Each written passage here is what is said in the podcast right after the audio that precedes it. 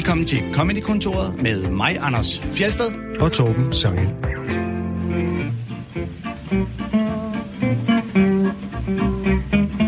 I dag har vi ikke nogen gæst, så derfor så spiller vi de klip, vi ikke nåede. Det er jo et koncept, som øh, faste lyttere af Comedy-kontoret vil kende. Vi sørger altid for at have klip nok med, når vi laver de her udsendelser, til at øh, vi ikke løber tør. Så derfor så er der tit nogle klip, som vi ikke når. Og det er som regel fordi, at vi har enormt meget at sige, eller gæsten har nogle gode historier, eller... Også fordi Så- vi er vildt dårlige til at administrere tid, sådan helt generelt. Jamen, nu skal du ikke tale os ned, fordi det er jo som regel fordi, at der sker noget, som er godt og, Ja, ja. og rigtigt. Nemlig, at øh, der kommer gang i samtalen. Øh, Helt, helt enig. Og hvis man er, altså man kan sige, hvis man er helt ny lytter af Comedy-kontoret, så er det her jo altid mulighed til lige at lytte, og så kunne hoppe tilbage og høre de øh, episoder, vi refererer tilbage til. Ja, for på den måde bliver der netop også en reference tilbage, uden at vi spiller klip fra de gamle shows, men øh, vi spiller simpelthen de klip, vi ikke nåede. Og alle de gamle episoder kan man jo finde som podcast, siger jeg lige til dem, der sidder og hører Flow Radio nu, sådan, ja, som, som stadig lever i det 20. århundrede. sådan som programmet i sin tid var tænkt og ment. Øh, alle podcastlytter kan bare ignorere det, jeg lige har sagt. Nå, men øh, vi spiller nogle klip, som vi ikke nåede fra begyndelsen af i år, altså 2021. Mm. Øh, og vi begynder simpelthen med årets første udsendelse, som handlede om kræft. Og gæsten, det var Geo, og han havde selvfølgelig meget at fortælle om sin kræftsygdom. Og udover Geo selv, så hørte vi også Technotaro fortælle om, at hun lige havde fået kræft. Det var sådan et meget særligt show, som også fik en masse ord med på vejen. Så det var ligesom, hvad vi, hvad vi nåede i, i vores tema. Ja, det er også, altså det er Technotaro Show, live, skråstreg live, hvordan man nu vil vælge at sige det. Det er, det er, en, det er sådan et, hvad kalder man det, en milepæl. Det er et referencepunkt. Fuldstændig. Både for det at tale om kraft, og for det at lave stand-up på en anden måde, hvor der nærmest ikke er nogen, eller hvor der nok ikke har været nogen skrevne jokes, faktisk. Ja, og hvor man virkelig vil fortælle noget med sin øh, komik. Og nu skal vi så til en anden vinkel på kraft, kan man roligt sige, nemlig fra en pårørende, men ikke en helt almindelig pårørende. Det er nemlig uh, Doc Stanhope. Ham har vi spillet uh, nogle gange før, og han er jo ikke sådan den, uh, den følsomme type. han er sådan uh, grov og lidt fuldemandsagtig i, i sin levering, og han er tit provokerende i de der libertarianske holdninger, han har. Og her der kommer han så ind på et emne, der tydeligvis er meget følsomt, nemlig da hans far døde af kræft. Men han gør det pakket ind i en meget Doc Stanhope-agtig vinkel. I have a picture I keep in my wallet of my father's corpse. My father died in 2001. He's just a fat, nice guy. He died at 73. He had colon cancer. And it just fucking tore him apart. He's, he was a fat, nice guy. It was always nice. And he made blueberry pancakes. And he didn't have opinions. He just smiled. And he's fat. And then he was down like 78 pounds. And I have a picture of me kissing him on the forehead moments after he died. I'm all full of fucking tears. And, and I keep that picture in my wallet and I, to show people who show me baby pictures. Did you know I had a baby? You go, oh, you had a baby. Well, this is this is how that ends. This is what this is what you made. That's what you made. Did you consider that before you had the hubris to fucking just create people without their consent? Because that's going to be your corpse one day, and that'll be your crying child not understanding why someone who's done nothing but be really nice to people has to be fucking raped to death with shit cancer by nature like that, and then it'll be your baby's corpse with the gray death mask that when you touch their cheeks, all the cold drool that's built up in their open mouth spills onto your hand. Do you want a copy? Ja, man mærker jo egentlig tydeligt uh, Doc Stanhopes kærlighed til sin far, men uh, så handler det jo om at konfrontere andre med et billede af farens død, på samme måde som de kommer rendende med billeder af deres børn, ikke? Jo, og kærligheden til hans far bliver stadig også beskrevet som, at han var, he was a nice man. Og ja, han det- havde ikke nogen... Me, altså, jeg kan godt lide at sige, her, he, he didn't have any opinions, he just ja. smiled. Ja. Det, det, det er også lidt nedladende nærmest, især for Doc Stanhope, der er Og jeg meget... tror, jeg tror, at det her skal forstås entydigt kærligt. Og det er Ja. interessant, at han kommer ind på noget, hvor, øh, hvor det er så følsomt, at han har lidt svært ved at formulere det sådan præcis. Han gentager sig selv, han siger nice tre gange og fat to gange, og det er som om, det er det, han ligesom kan sige om sin far. It's just a fat nice guy, og sådan, ikke? Ja, ja, det og han det- ved med at sige. Det og kommer er, til som at lyde, som om han ikke rigtig kan sige noget pænt. Præcis. Ja, eller ikke kan finde ud af at, at, at gå ind i, at han faktisk holdt af ham. Det er sådan min tolkning, men Ja. øh, den er selvfølgelig mindre kynisk. Men jeg tror faktisk, at Doc Stanhope har nemmere ved at være kynisk, end ved at være følsom, ikke? Jo, jo, det, det tror jeg ikke, der er nogen tvivl om øh, overhovedet. Det kan, mås- vi skal måske lige øh, tilføje, at det er fra albummet Before Turning the Gun on Himself. Fra 2011. Øh, helt specifikt for det øh, track, der hedder Giant Black Cock. Og hvis man- vil vide, hvorfor klippet hedder det, så skal man høre videre fra der, hvor vi stoppede. Men, øh, men øh, hvad hedder det? Det er jo på en måde, det er jo livets begyndelse og slutning, han ligesom væver, væver sammen her, ikke? Jo. Altså, folk går og viser billeder af, at deres børn er blevet født, og han viser, hvordan det slutter, ikke? Ja. Øh, og der er sådan en eller anden, altså, det, det er selvfølgelig en provokation, og jeg tror ikke, han kommer til at gøre det i praksis, vel? Men altså, der er et eller andet i den der idé om at sige, okay, hvis vi virkelig skal vise hinanden hele tiden, øh, vores øh, små, øh, grimme babyer, så skal vi også vise dem, hvordan de ender, ikke? ja, det er jo, man kan sige, at altså, øh, det der med, at folk har en tendens til at vise billeder frem af deres øh, børn eller babyer, er jo en, altså, en klassisk og måske ligefrem lidt slidt observation. Man, må, man kan roligt sige, at han har en, øh, sin egen vinkel på det. Det har han nemlig, fordi der, der, der er jo mange, der har lavet jokesene på, hvor irriterende det er, når der er folk kommer og viser billeder af deres babyer. Men det, der er lidt fedt, det er, hvordan han får leveret den observation sådan lidt på bagkant. Ja, for han øh, begynder med faren, ikke? Det gør han nemlig, så, og, og han laver en overførsel, der så ender i at være den her observation, han har gjort om, at det er irriterende. Øh, og det, det er jo ret elegant, øh, synes jeg i hvert fald. Øh, for der er, mange, der er mange andre komikere, der har lavet sjove billeder, de der med, eller sjove jokes som, altså, eller når der er nogen, du, ved, du kan altid vise billeder af dine egne børn, prøv, men hvis du går rundt og viser billeder af andres børn, så er du en kæmpe freak. øh, ja. Øh, men det er også et velkendt øh, Doc Stanhope øh, territorium, kan man sige, fordi han er jo altså en radikal modstander, eller øh, undskyld, tilhænger, tilhænger mm. af abort, ikke? Ja. Øh, altså så meget, så han jo altså decideret sådan hylder abort og sådan noget, ikke? ja, ja. Øh, og det, øh, det, det er jo øh, allerede lidt provokerende for os, men det er 10 gange mere provokerende i USA, hvor der jo er en, en stor abortmodstand, ikke? Jo, jo, og, og, og hans vinkel er jo, altså udover at han jo er så øh, libertariansk, at han synes, at alle skal helt have lov at bestemme selv fuldstændig, hvad de vil gøre, så er det jo også den der klassiske, der er for mange mennesker på kloden. Ja. øh, overbefolkningsproblemet kan bedst løses ved at lade være med at få børn. Så, øh, så der er abort jo en, øh, en god, øh, godt middel. Jeg er helt vild med, at han siger det der med create people without their consent. Ja, og skabe dem uden deres samtykke. Ja. Der taler han jo sådan lidt ind i tidens lingo, ikke? Jo, jo. Altså øh, samtykkediskussionen. Øh, øh, og det, at det, er jo, altså, det er jo rigtigt. Det er jo, det er jo både rigtigt og også vildt langt ude at sige det på den måde, ikke? Ja, det, det er jo Altså, den yderste gren af Det er jo nok, der er, ingen, der ekstremisme. er ingen, der har bedt om at blive født. Og det er det mest, det er det mest eksistentielt radikale, du kan gøre ved et andet menneske.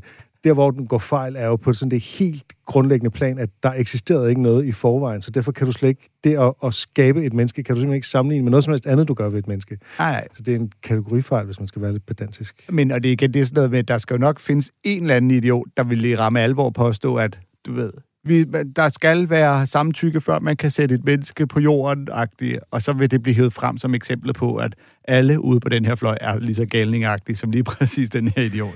Det vil i hvert fald øh, egne sig til en parodi på woke. Der er jo sådan en Twitter-profil, som, som parodierer woke, øh, som går sådan helt ud i ekstremer, og Mm. ligesom hele tiden får påvist, at alle hvide mennesker er racister og sådan noget, uanset hvad de siger. Ja. Fordi det, at de udtaler sig antiracistisk, er beviset på, at de er racistiske og så videre. Ikke? Ja, Jeg ja. har glemt, hvad, hvad, hvad den hedder. med profilneder. Men der, og det er jo det, man, man kan altid finde de der altså helt idiotiske øh, eksempler af, ja, på alle fløje, for det sags skyld. Og, og det, der ofte sker i debatten, synes jeg i hvert fald, er, at de bliver så hævet ind og ligesom gjort til eksempler på, hvorfor at hele den her gruppe er idioter. Ja. Men, øh, men øh, sam, altså, jeg synes stadig, samtykke til at, at føde børn, det, det, Ja, det, det, øh, det, det går vi ind for. Det ja, han kunne faktisk få meget mere ud af den, hvis han egentlig gad. Ja, prøv at gå ind i, hvordan det skulle foregå. Ikke? Ja. Det er sådan, altså, der, er jo, der er jo mennesker, der mener, at, øh, altså, at man kan få planter til at give stam, samtykke til at blive plukket, og træer til at blive fældet og sådan noget. Ikke? Det er jo simpelthen det er jo en ting derude, som rent faktisk findes. Ja. Ikke? Så øh, ja, Kom med ikke? fantasien, kan ikke slå virkelighed. Nej, det... Doc Stanhope har også lavet en fantastisk bid om øh, sin mors død, hvor han selv er med til at give hende dødshjælp. Det er i det show, der hedder Beer Hall Putsch, som i det hele taget kan anbefales. Det er bare for langt til, at vi kan spille den her i Comedy-kontoret. Vi har overvejet den flere gange. Mm. Men den skal man gå ind og høre, hvis man ikke øh, kender den. I hele taget det show øh, skal man høre. Men det er, det er eddermame vildt. Altså det her er ingenting i forhold til det. Ja. Det er, det er, det er som, som taget ud af en, den vildeste film. Altså. Og det er et øh, på Josh, et godt show. Det her øh, er jo øh, ja, faktisk, selvom det er fra er det 2011 eller 12, er det jo et af hans seneste shows. Jeg tror kun, han har lavet tre eller shows siden, noget af stil, Ja. hvor Beer Hall Butcher er et af dem. Øhm, jeg, jeg startede selv, jeg begyndte at høre Doc Stanhope, der var Something to Take the Edge Off, det første album, jeg hørte. Ja. Øhm, og det kan i hvert fald anbefale at hoppe ind derfra, selvom man jo bør tage ham kronologisk fra start, har jeg efterhånden lige lært, Det efter at have jeg- taget Tom Segura Ja, ja, vej. bortset fra, at mange komikere bliver jo bedre, og altså, vi skal spille fra Patton Oswalds øh, første show senere, som absolut øh, var tæt på at, at give, fratage mig lysten til at, at høre øh, Patton Oswald. Og på samme måde synes jeg ikke, at Doug Stanhopes første album er de bedste. Altså, jeg synes at faktisk, mm. han topper der i begyndelsen af 10'erne eller sådan noget. Ikke?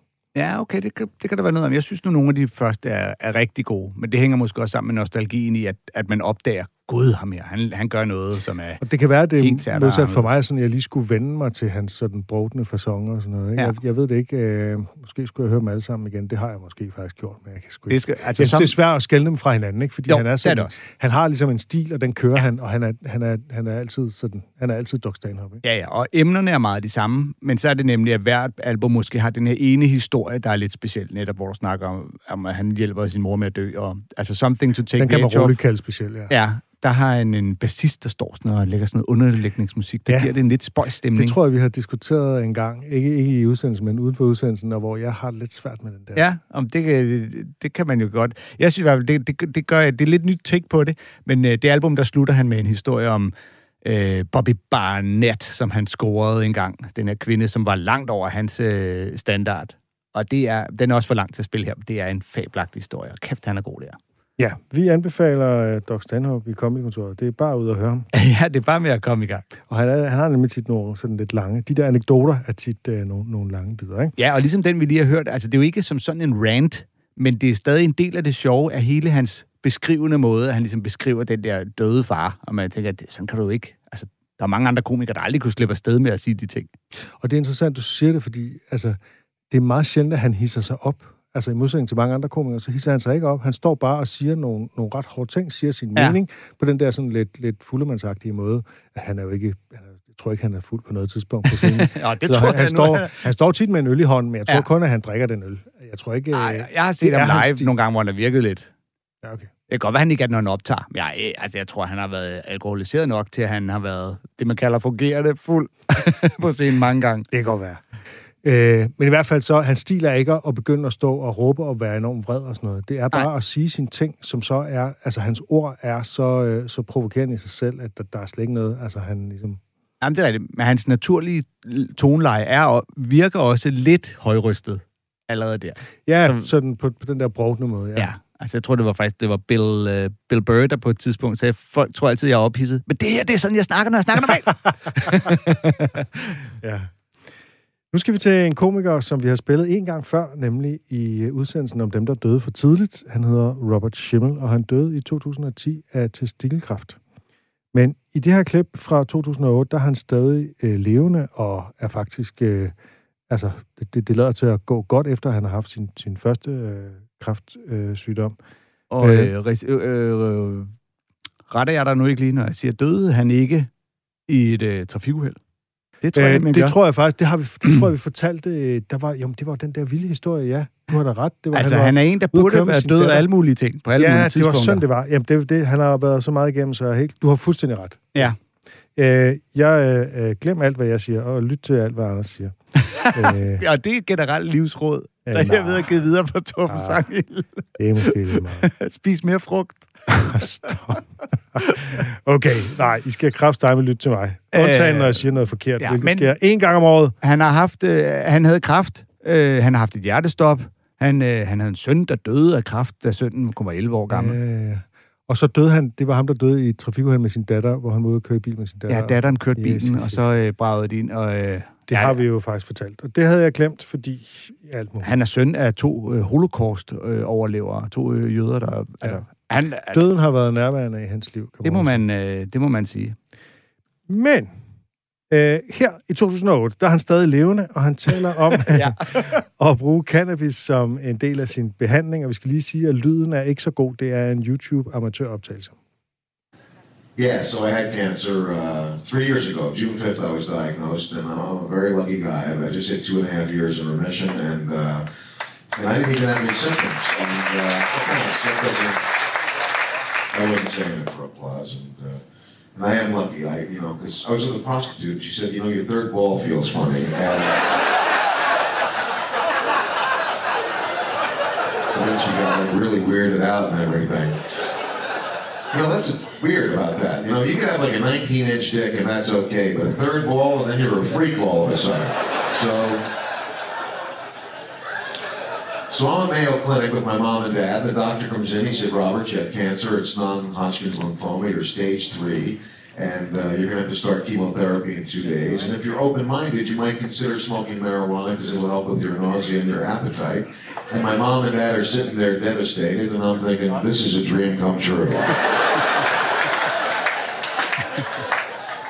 I got a doctor telling my parents I have to smoke pot. The only thing that would top that would be having him tell my mom uh, or my wife, you know, my mom, boy, there's a my mouth." Wow, my wife. Where did that come from? My wife. I don't fuck my mom. I, I It's not right to do that. It really isn't. It's not good to fuck your mom. I, I have a theory. I think if you came where you came from, then you like go into another dimension or something. So, um, please forget that I ever said that. That is not part of my act. Um, Ja, en, øh, en meget, meget klassisk freudiansk fortællelse Ja, lavede, forveksle sin mor og sin kone. øh, og laver lige en lidt anden øh, øh, circle of life, end øh, Doc Stanhope lige Ja, det kan man gjort her. sige. Nu er det jo, man kan sige, det er jo en, en tilfældig sammenbinding af, af klip her, men, men, øh, men altså, det er rigtigt uh, ideen om, at hvis du kommer i det samme sted, som du er født Som ud du kommer af, fra. så øh, ryger du over i en anden dimension. det, det er, det, Det er en meget freudiansk joke. Og jeg vil sige, jeg har hørt den her bid nogle gange. Jeg tror, at øh, jeg tror oprigtigt, at det er en øh, brøler, han laver der. Det tror jeg også. Og det, øh, hvis man er i tvivl, så hvis man ser klippet, så kan man se, at det virker virkelig som om, han skammer sig. Hvis det her, det er en, en staged fortalelse, så, mm. så spiller han så, så godt, så det... Øh, jeg, jeg, jeg tænker nemlig også, det her, det, han virker hyldet ud af den, og det vil også være unfair at sige, this was not a part of my act, hvis det var det. Altså, Ej, ja, det, det det, der, er ligesom, der, der, der er en eller anden... Men unfair, det, det er jo øh, ikke, ikke rigtigt. Øh, Ah, men... Men, øh, men, det er jo, men, men dels så bruger han nemlig så lang tid på, at man kan se, at han står af også, før han ligesom begynder at komme frem til, hvad han kan lave af jokes på det, til at det virker øh, indstuderet. Men når det er sagt, det er jo et, et, et, et, et altså, høj grad velkendt knep, comedy-knep, ja. at man siger noget forkert, folk griner, fordi det er altid sjovt, når han på scenen dummer sig, og så laver man nogle jokes på det, man sagde forkert. Jeg synes bare godt, man kan... Tit kan man godt fornemme, om det er staged eller ej. Ikke? Det kan man nemlig godt. Og, øh, og det, der jo ofte sker, er, at man siger noget forkert, står ligesom ham og væver, finder på noget sjovt, og så næste gang, man skal optræde, tænker man, den joke, den er for god til ikke at komme igen. Og så er det, at man begynder at lave sin... Og det kan man jo sige, det, det, det gælder jo egentlig den her. Den er faktisk, det er faktisk ret sjovt, og folk synes jo, det er helt ja. vildt sjovt, og han, han får jo faktisk øh, en eller anden joke, altså der. Og det er også det, altså det, som kun gør en mistænksom, det er, at han har en så god joke, øh, der Ja. refererer til fortalelsen. Ja. Øh, hvis vi kan kalde det en joke, eller en sær overraskende observativ idé, øh, altså at man skulle komme ind i en anden dim- dimension. Ikke? Jamen, det er rigtigt. Det er, fordi det bliver jo nærmest en selvstændig bid. Han behøver jo ikke engang at lave fortalelse næste gang, for at kunne præsentere en joke om, at hvis du boller din mor, så kommer du der, hvor du kommer fra, og så burde du jo rejse gennem tid og sted. Og Det er rum. bare svært at lave et, et setup til den. Et fornuftigt setup til der, der, der, er- der vil jeg tænke, at fortælelsen er et meget godt setup til Ja, det. det er selvfølgelig rent øhm, det er jo interessant, og det tror jeg er meget amerikansk, at folk de klapper af, at han øh, har været heldig og til synligheden er blevet rask øh, fra øh, sin kraftsygdom. Altså Ja. ja. det er den der idé om, at kraft er en kamp, der skal kæmpes. Det er sådan en præstation, man kan klappe af, ikke? Jo. Det er jo... Øh, Ja, Det der er er jo altid noget anerkendende i, uh, du ved, det er jo bare, man er jo glad på hans vegne, ikke?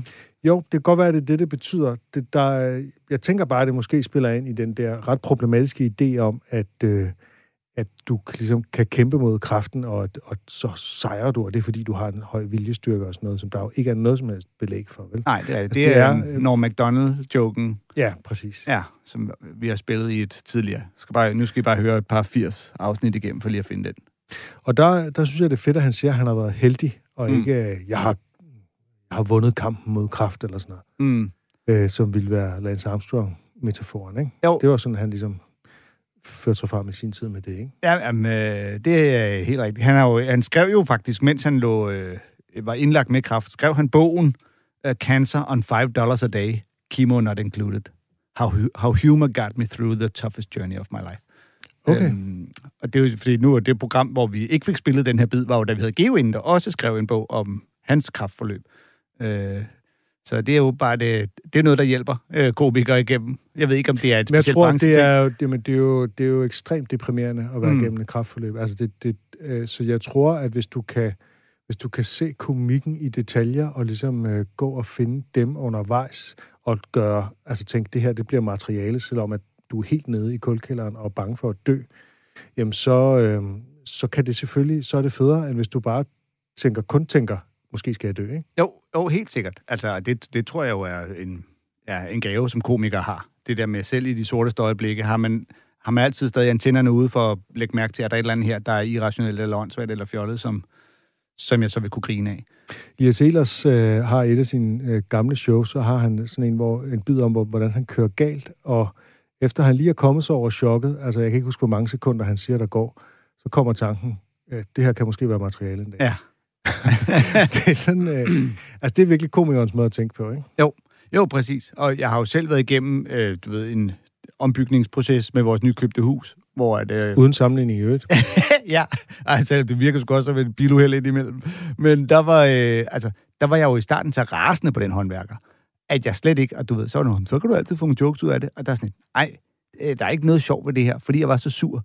Og da jeg så første gang ligesom var til det møde, hvor det gik op for mig, nu siger han jo noget, der er himmelråbende dumt. Så fandt jeg ud af, okay. Og så blev det jo, gik det jo netop fra at være en skrækkelig oplevelse til at være en befrielse, at hey, udover at jeg har fået nogle jokes, så når man så står på scenen og kan fortælle jokesene, så er det jo, det, det bliver jo terapi, altså. Ja.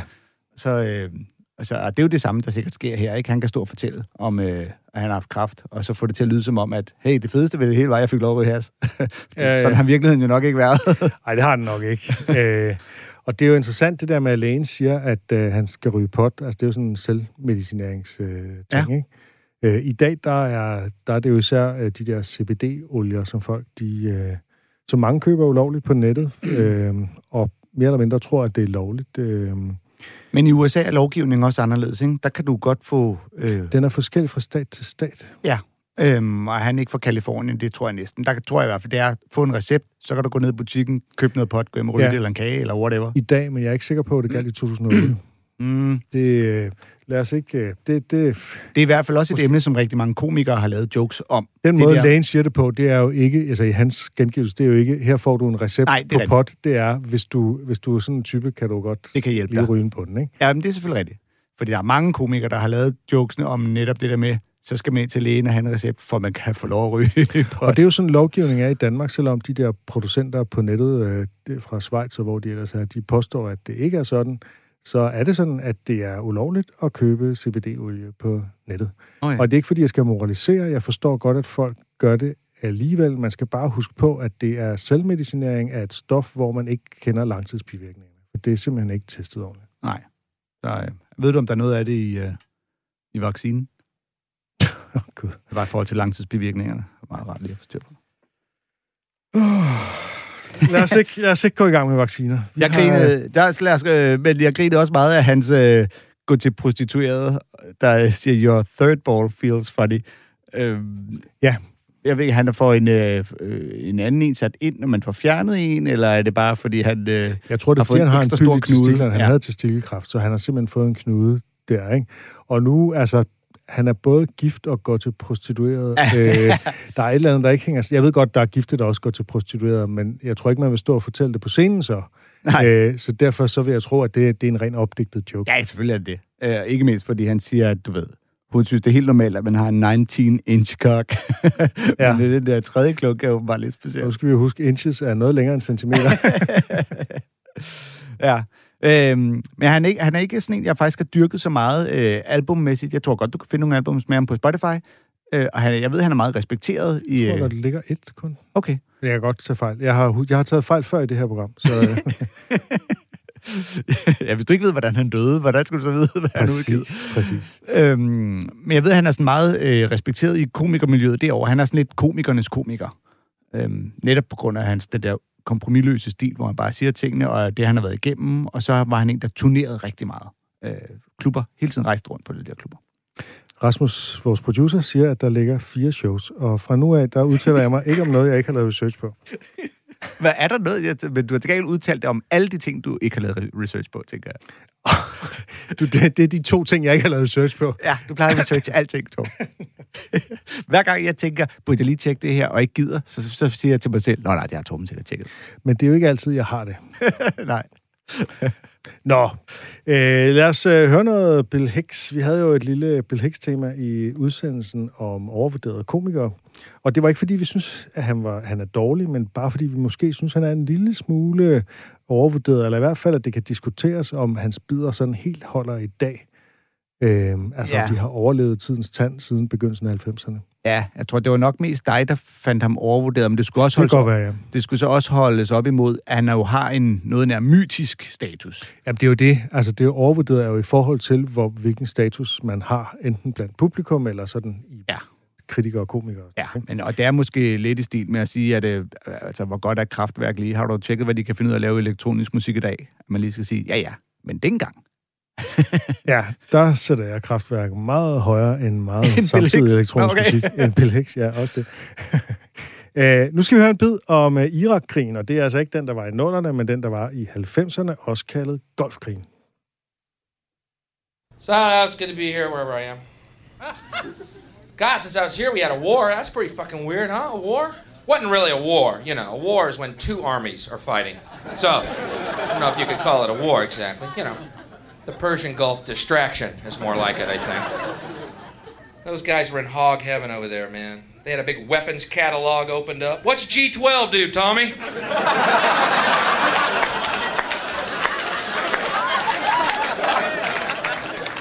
See, it says here it destroys everything but the fillings in their teeth.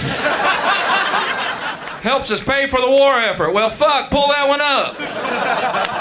Pull up G12, please.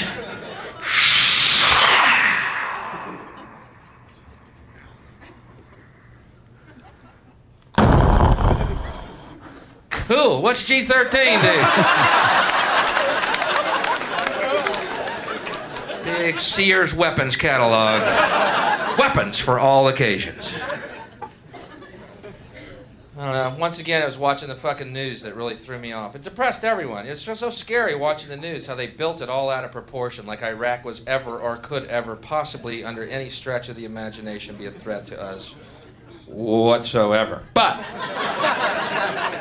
watching the news, you never would have got that idea. Remember how it started? They kept talking about the elite Republican Guard in these hushed tones, like these guys were the bogeyman or something. Yeah, we're doing well now, but we have yet to face the elite Republican Guard. Like these guys were 12 feet tall desert warriors. Never lost a battle. We shit bullets.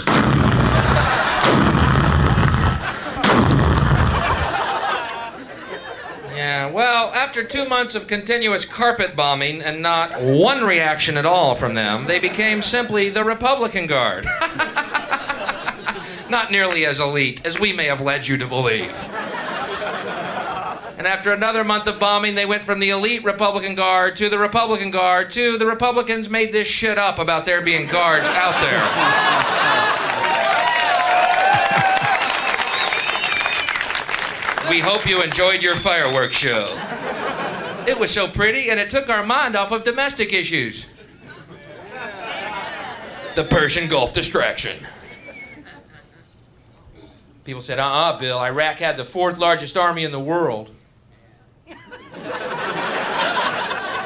yeah, maybe, but you know what? After the first three largest armies, there's a real big fucking drop off, all right? The Hare Krishnas are the fifth largest army in the world. They've already got our airports, okay, so.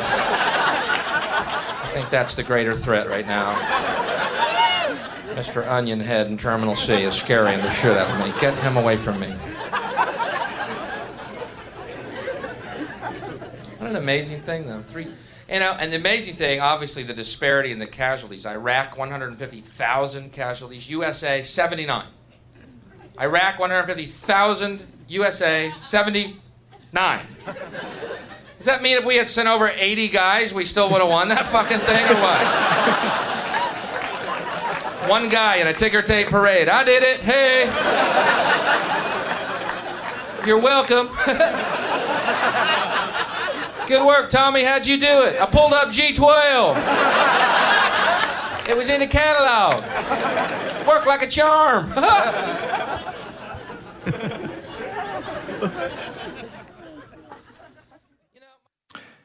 Ja, amerikanerne var så overlegne, at man knap kan kalde det en krig. Det var golf-distraktionen. ja, ja. Ja, det er meget elegant, at han også ligesom får sagt, at det bare handlede om at fjerne fokus fra indrigsproblemerne. Ikke? Bortset fra, at han ikke nævner, hvad det så er for nogen. Det kan være, at han gør det i showet i øvrigt. Det kan jeg ikke huske. Nej, ja, det er jeg heller ikke sikker på, at det var et specifikt, det han tænker på. jeg tror også mere, det er, det er selve den der tanken bag. Det her er måske ikke det bedste eksempel på at vise, at han var overvurderet, men jeg synes, det er virkelig... Jeg synes, det er og vi, meget vi var jo faktisk meget venlige ved ham, og fandt Ja. nogle klip, hvor vi synes han var rimelig god. Altså, det, det, ja. var, det er jo ikke... Det var ikke, det var ikke noget Bill Ej. bashing. Og ellers var det også blevet kedeligt at komme ind i kontoret, hvis vi kun havde spillet øh, Bill bashing. Kevin Hart og fortalt, hvor dårlig han var hele tiden. det godt at høre, der faktisk er, øh, der er gode. Jeg synes, øh, altså fordi han, Bill Hicks var også sådan en, der både slog til højre og venstre og op og ned, og øh, altså, der var ikke nogen, men det der med, med regeringen og staten og krigene, det var han god til at, øh, at slå på, ikke? Og, øh, og nu er det jo, altså det er det, vi var nødt til at gøre opmærksom på, det her var ikke Irak-krig, det var den første Irak-krig, bare for at sætte i relief, hvor gammel det er. Ja. Men det er jo, øh, altså, det har jo været det samme problematik hver gang. En man kan jo godt huske de der, altså de der billeder på CNN af, hvordan der ligesom bare blev bumpet. Det var jo ikke, det var ikke en, en uh, invasion af Irak. Det handlede om, at de skulle ud af Kuwait, ikke? Jo. Øh, så så, så, det, øh, så det, det var i meget høj grad en, en, altså sådan en, en bumpningskrig og sådan noget, ikke? Og det, det var også det, han antyder, at det var jo våbenteknologien, der bare var overlegen Ja. øh, fra USA's side, ikke? De havde altså... De, de kunne bombe meget præcist, og det ene og det andet, ikke? Jo, og det er også der, hvor han netop øh, ironiserer over, at de der soldater, der bare sidder og kigger i kataloget og siger, lad os prøve den her bombe, og så Ja, ja, hvad der sker. Øj, den var god, lad os prøve den G12. næste bombe. den var også sjov.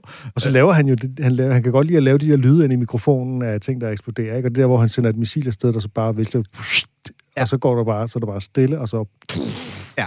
Men øh, jamen, jeg synes, altså også hans, det, med, det er jo ikke en krig. En krig kræver to herrer. Altså, det er jo rent nok, det der var jo nærmest et overfald. Ja. Og så øh, griner man jo, selvom man laver en lidt fjollet logisk fejlslutning, at de mistede 79. Var det det, han siger? Ja, så, så, så de kunne bare have noget med at være 80, og så var der en tilbage og sådan noget. Ikke? Ja. Den, den holder jo altså på ingen måde. Nej. Det, det er totalt logisk øh, kortslutning. Det sidder man kun kan slippe afsted ved, når man står og joker, for, og folk er med på, at det er sjovt, fordi det er sjovt. Og altså, øh, har Krishna som den femte største her, som har indtaget vores lufthavne, den, den øh, vi så begge to det forvirret ud, da, da den kom, ikke? Og det, jeg tror måske, det har været noget med, at dengang der sad, har Krishna måske meget i lufthavnene på deres tæppe og sang sang. Jeg ved ikke, om de havde lov til det, eller hvordan. Nej, jamen, jeg gætter også på, at det må være en form for intern øh, reference, som vi ikke kender her i Danmark. At, at har Krishna gik meget derover eller fløj, jeg ved sgu ikke. Øhm, Så kalder han dem jo for løghoveder. ja, Det men, er jo, fordi, de har de der manbånds. Ja. ja, ja, det er meget spot on. jeg Ja. ved ikke, hvor mange lag de har, men... Uendeligt mange. Ja, men det er også bare at sige netop, øh, det kan godt være, det er den fjerde største her, men det, det er jo ikke noget at prale af i sig selv, hvis at springet fra nummer et til nummer to er så enormt, som det jo er. Og underforstået er det jo nok, at USA har den største, ikke? Jo, jo, jo. Øh, ja, ja, det kan sikkert måles på forskellige måder. Jeg kunne forestille mig, at kineserne kan sætte flere mænd under våben, øh, hvis det det, det handler om. Men, øh, Ja, det kan man lave noget research på. Kom Mulige sig måder noget. at måle noget, øh, lad os gå videre til Patton Oswalt, øh, som vi lavede en øh, portrætudsendelse af. Det var jo en, en hyldest til en af de helt store, men vi havde også lige et lille klip med i tasken, som var sådan et eksempel på, at han ikke altid har været så god. Øh, hans første store one-man-show, Feeling Kind of Patton fra 2004, øh, det er efter min mening ikke særlig godt, og det var det første, jeg hørte med ham, og jeg kunne slet ikke forstå, at han skulle være noget særligt ham der. Øh, øh, ja, men lad os øh, høre ham øh, tale om dværge fra det her show. Det er et emne, vi har lavet et helt program om, og det, ja, Jeg synes ikke helt, han nailer den. Here are some facts about midgets a lot of you probably don't know. I read this in Discover magazine. Don't dispute me. If you hit a midget on the head with a stick, he turns into 40 gold coins. You know that? 40 glittering gold coins you can take to the market and buy a fine fat goose for your goodly wife. Also, if you throw a midget into a tub of hot water, he makes sleepy time tea. Oh, isn't that great? A big tub of chamomile. Thanks, Mr. Scoops. Also, if you kick a midget in the balls, he turns into eight squirrels and they run off into the forest. But here's the thing be careful because if you lose a fight to a midget, you become one. Did you know that? It's true. At the beginning of time, there was one midget, and everyone's like, come on, motherfucker! And now look around. They're everywhere. They're everywhere. Let that be a lesson. Just walk away. Be the bigger man. Literally. All right. Come on, people. Det er jo øh, et klassisk greb, det her med at øh, ligesom spille på det der med, at dværge er en slags eventyrvæsener, og det magiske ved dem og sådan noget. Ikke? Jo. Her der virker det bare som sådan en række sadistiske idéer om, hvad man ligesom kan gøre ved dem, og så Ja, jo, jo, den er lidt spøjs. Og det, man kan sige, at vi lavede et helt temaprogram om uh, Patton Oswalt, var det en god idé, at uh, det, den bid, vi ikke nåede at spille, var, den, vi synes, der var vi, dårlig. vi, vi lægger jo rækkefølgen af en grund, kan man sige. Ja, ja. Øhm, men, øh, men det er rigtigt, fordi også når man samtidig ser på Patton Oswalt, så vil han jo nok stå frem som en af de mere, øh, skal vi sige, Vogue-komikere. Ikke? Øh, han er i hvert fald meget bevidst og, øh, og korrekt og god. Nå, men han taler også lidt imod woke. Altså, han, han, han taler for sådan en eller anden moderat position, som, som vi spillede et klip med, ikke? hvor han sagde, at øh, altså, lad mig lige... Øh, altså, Ja. ja. jeg, kan ikke, jeg, kan ikke, jeg prøver virkelig, men jeg kan, ikke, jeg kan ikke følge med. Det går for hurtigt med de der betegnelser i den der RuPaul-bid. Ikke? Jo, jo, jo, det er selvfølgelig rigtigt nok. Men han er i hvert fald sådan en, hvor man tænker, at han, han var, ville være en af de første til at forstå, at du skal ikke sige midget, hvis midget er nedladet. Og nu var det jo sidste uge, vi hørte Tom Segura joke om, at hvor mærkeligt det er, at man ikke længere må sige midget, men man skal sige little people. Og her der laver Patton Oswalt jokes om midgets, som er, altså, der er ikke, jeg kan simpelthen ikke gennemskue nogen grund til at lave dem, eller nogen snor i dem andet end, øhm, han starter med at sige, I read, him, I read this in Discover Magazine, så jeg ved ikke, om der er en eller anden indforstået reference til, at det er et åndssvagt blad, der skriver dumme ting, og det skulle retfærdiggøre, at han siger det her. Nu forventer du selvfølgelig, at jeg har lavet research på det. Men, øh, men jeg tror, jeg tror øh, umiddelbart, at der er tale om, at han at det er så åndssvagt, det han skal til at sige, så at, at der er en eller anden kontrast i at sige, øh, I, I kan ikke sige mig imod, fordi jeg har læst det her. Ja, ja, men med mindre det er lidt ligesom at sige, jeg har læst det her i en skør, skør verden. Så ved alle, at nu skal du sige ja. Noget, der er idiotisk. Rasmus kan lige slå Discover Magazine op. men, men det er sket, og det er også meget sigende for Patton Oswalt, at han laver de her ting, som er sådan lidt mærkelige, bare for at være mærkelige, og ikke nødvendigvis har nogen punchlines i sig. Og da han så slutter af med at sige, be the bigger man, literally, der er der rent faktisk en joke. En øh, ordspilsjoke øh, bevares, men altså, du ved, vær den større mand, bogstaveligt ja. talt. Og den er han nødt til selv at pille ned, hvis så at sige bagefter, fordi han er nemlig så meget en, hvad skal man sige, øh, art-komiker, øh, du ved, øh, al- alt scene komiker, at når der kommer det, han godt selv ved, er en helt straight-up joke, så er han nødt til at pille den ned mm. ved at lave prolyd. Det er egentlig lidt synd. Til gengæld så man sige, at hans levering er der jo allerede. Det er jo, det er jo den samme levering. Man kan ikke høre på leveringen, at det er et gammelt show. Det lyder fuldstændig, som han stadig lyder i dag. Jamen, det er du ret i. Øh, men, og det er jo bare, det er jo fordi, det er helt signatur. Patton også måde at sige tingene på. Hmm. Øhm, vi lavede også et, øh, et særligt program om Dave Chappelle. Mm-hmm.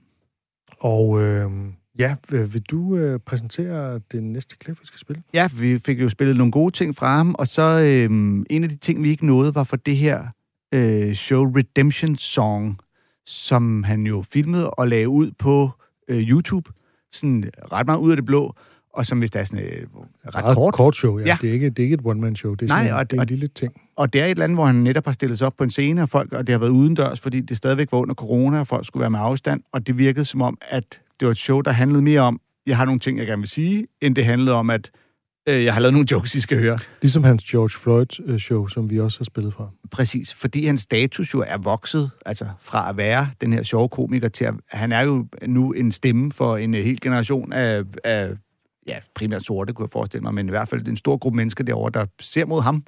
Øhm, og han Nu vil jeg læste i YouTube-kommentarerne til lige præcis det, det her show, hvor der en, der skrev, at øh, Dave Chappelle er alt det, øh, Kanye West selv tror, han er. Oh, det er en sjov kommentar, Og faktisk. det er nemlig det er helt utroligt præcist. Øhm, øh, den bid, vi skal høre, er jo øh, er fra det der angrebet på Capitol Hill øh, i forbindelse med indsættelsen af Joe Biden. Så var der jo den her sag, hvor at, Kongressen simpelthen blev ja, angrebet simpelthen blev angrebet. Og, en blanding af konspirationsteoretikere og white pride-typer. ja, øh, der stormede ind på øh, Capitol Hill og lavede ballade, og, og, og uden at blive skudt i øvrigt. Altså, skal, Der, der blev grebet sent og rimelig blidt ind. ja, og det er jo en af de ting, han øh, lidt øh, taler ind i, i den øh, bid, vi skal høre nu, som ikke er sjov, men øh, rammende. Years later, after Michael Brown got killed and riots broke out in American cities and Ferguson and all these places, you heard black Americans saying they're militarizing our police departments, and no one cared. Because the unrest was so uncomfortable and so daunting, and well, these Negroes look so angry. Nobody said anything. Remember that. On January 6th, well, American citizens stormed the Capitol. You know, I'm from Washington, D.C. A lot of my friends growing up are Capitol Hill police officers. I said, What did you do that day? What did we do? We were kicking crackers down the steps like motherfucking 300, nigga. Trying to save our country.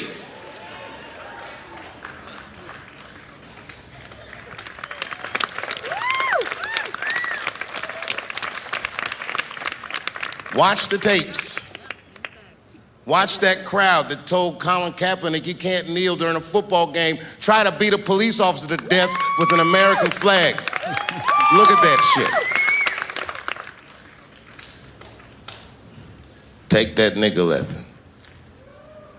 Take this nigga lesson. What was Edward Snowden talking about? Who is the terrorist now that they're looking for? It's you, not me. Not my black Muslim ass. It's you. Who are they militarizing the police for? They didn't call the National Guard on my black ass. It's you.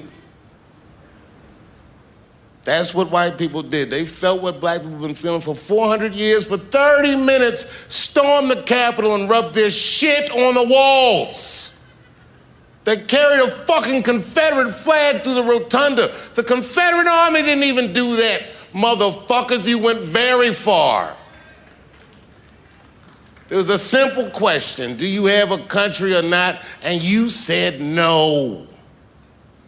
My God, man, we're in quite the pickle, aren't we? If you could solve a black American's problems, this country would have no problems.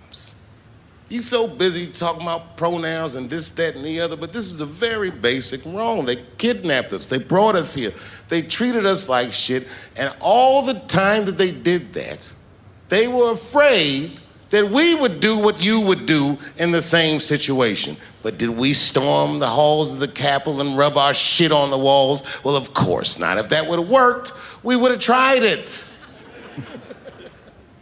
I know how to solve my problems.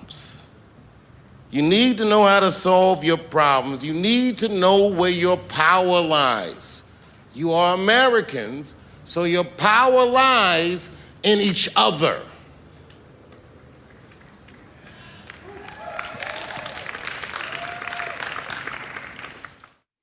Ja, det er jo øh, snarere en politisk prædiken, end det er stand-up, det her, ikke? Ja, Kan man roligt i, sige. ja, i høj grad. Ja, ja, Så det er, jo, det er jo interessant sådan til, til helhedsbilledet af Dave Chappelle, ikke? Øh, så selvom det er comedykontoret, og vi spiller noget her, som så slet ikke er comedy, men det er bare fordi, at Dave Chappelle er jo kendt, fordi han er komiker. Han har den stemme, den position, han har, fordi han er komiker. Og nu øh, gør han så sådan, til sådan en, en slags scene Malcolm X her, ikke? Ja, ja, lige præcis. Og han nævner jo også selv øh, det der med, at han, han kan jo selv fornemme, at folk kigger på ham. Når der sker sådan nogle ting, øh, så vender de sig og kigger mod ham. Øh, også i forbindelse med George Floyd og så videre. Ikke? Han er blevet sådan en, hvor folk er sådan lidt, hvad, hvad siger Dave Chappelle til det her? Og han tager det på sig, det behøver han jo ikke at gøre. Nej. Der er jo mange andre, som siger, jamen det skal Ja. jeg. Jeg er ikke talsmand for en eller anden minoritet, eller, eller hvad det nu er, ikke? Men han tager det så ligesom på sig, fordi han ligesom også fornemmer, at han... Jeg tror også, han, han, han ved jo godt, at han er en stor retoriker, mm. og jeg tror også, han lidt nyder at være den, der kan altså, tale flammetale, ikke? Jo, helt sikkert. Og hans øh, komik har jo også altid været, altså, er, er vokset i, øh, til højere og højere grad at blive snak den sorte mands sag. Og øh, der er jo nærmest ikke et af hans shows, der ikke på en eller anden måde tager udgangspunkt i, hvordan det er for de sorte på den ene eller den anden Og der er heller ikke den begivenhed, som ikke kan gøres til et spørgsmål om race, som Nej. jo også den her, ikke? Altså, øhm, altså mistanken om, at, altså mistanken er jo, at man ikke slog hårdt ned på dem, der stormede kongressbygningen, fordi at det var hvide mennesker, ikke? Ja. Men jeg tror, at en mindst lige så vigtig grund er, at præsidenten ikke ville gribe ind, og at han jo selv indirekte havde opfordret dem til det. Ja. Det var det, de hørte ham sige. Mm. Det var gå mod Capitol. Ja, ja. Øh, og han ville jo heller ikke acceptere øh, valgresultatet og alt det der, ikke? Ja, med helt enig. Men jeg tror nu også, han har en pointe i, selvom det er jo efterhånden også lidt en kliché, men hvis det var en, øh, altså, en masse sorte mennesker, der havde stormet, Ja.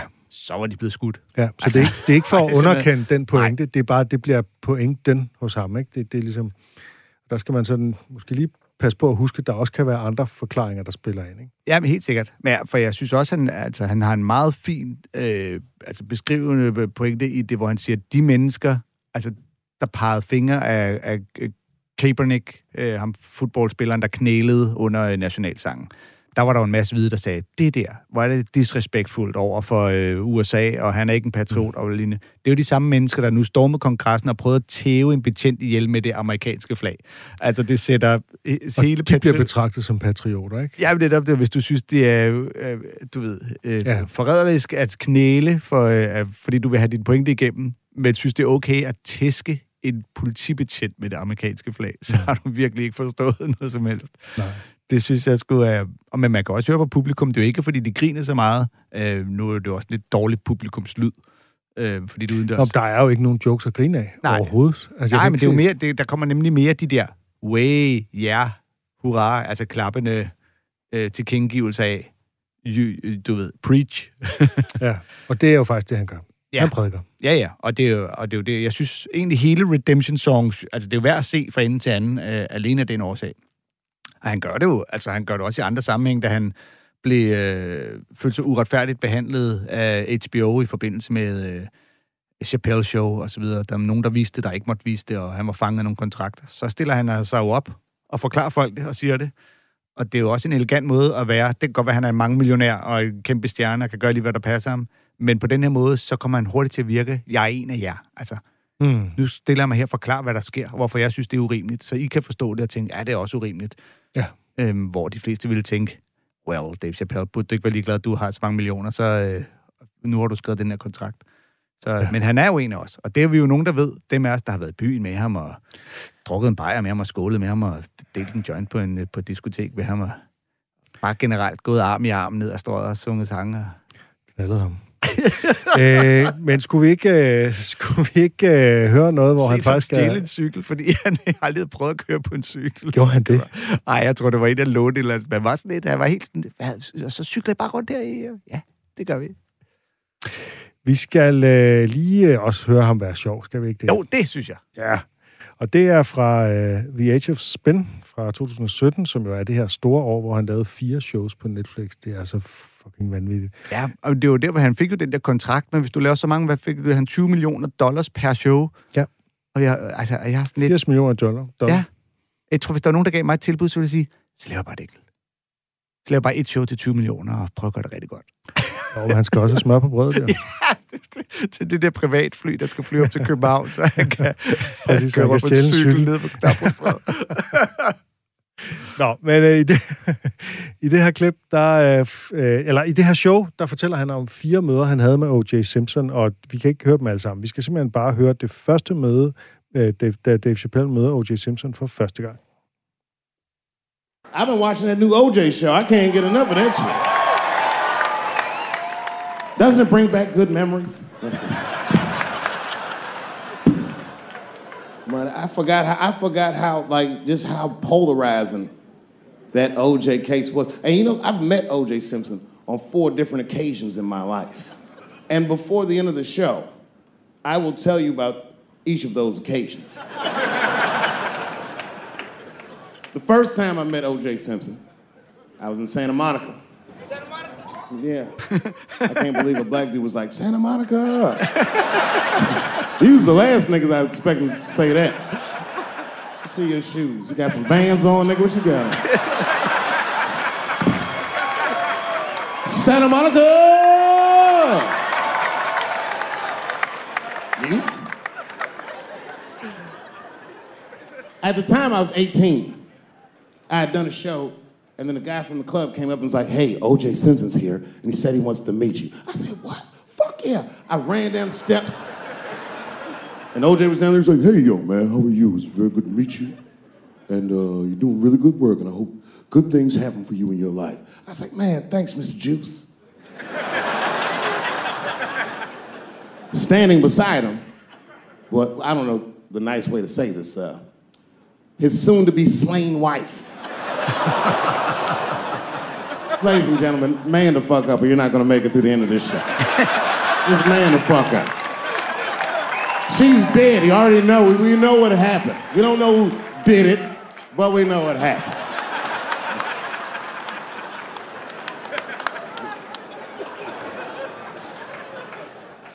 Should tell you that woman was very nice to me. She actually embraced me. She said, I think you're adorable. And she hugged me. She goes, Good luck to you. And she held me for a long time. And I whispered in her ear, Bitch, are you trying to get us both killed?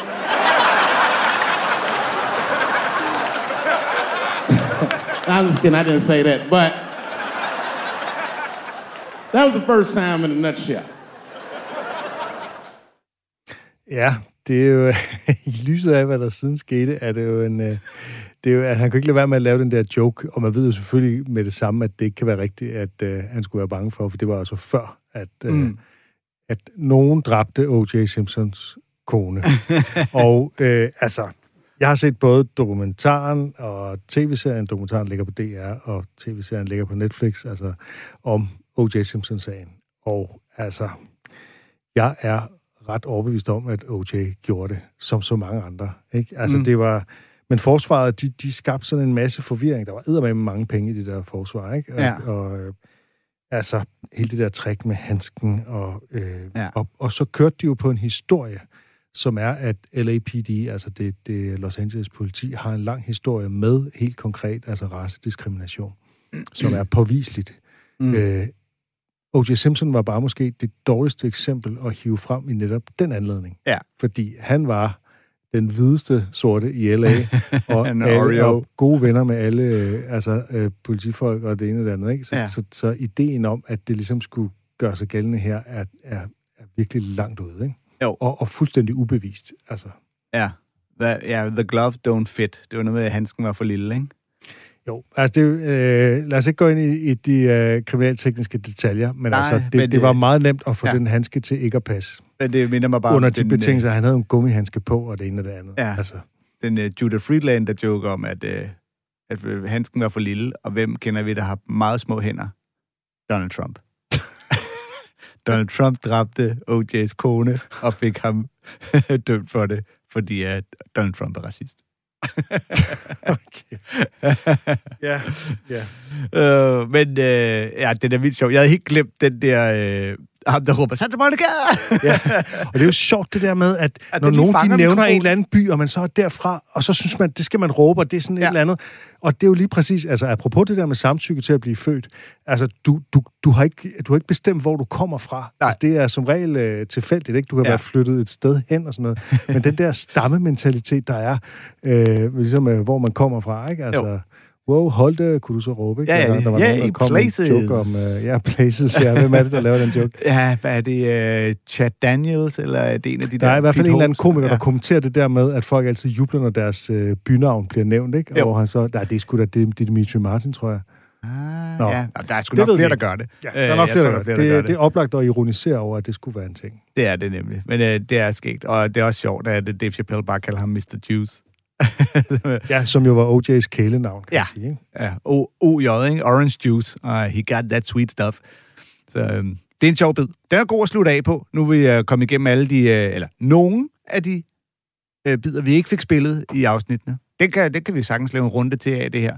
Øhm, for det kan jo, vi, vi laver også nogle sommer specials. Nu, Det kan være, der er nogle af dem, der, der kan også være nogen, der kommer til at handle om noget meget specielt, som Ja, vi ikke kan uh, røbe her. Vi har jo optaget to, så vi glæder os sådan til at spille. Og så vil jeg, øh, så vil jeg bare takke af for Comedy-kontoret i den her uge. Øh, vi skriver biderne op inde på vores Facebook-side, og elsker, når folk kommer ind og kommenterer, og det er ikke altid, vi får svaret på alle, men det er også skønt at få anbefalinger og lignende, for vi kan sgu ikke følge med det hele.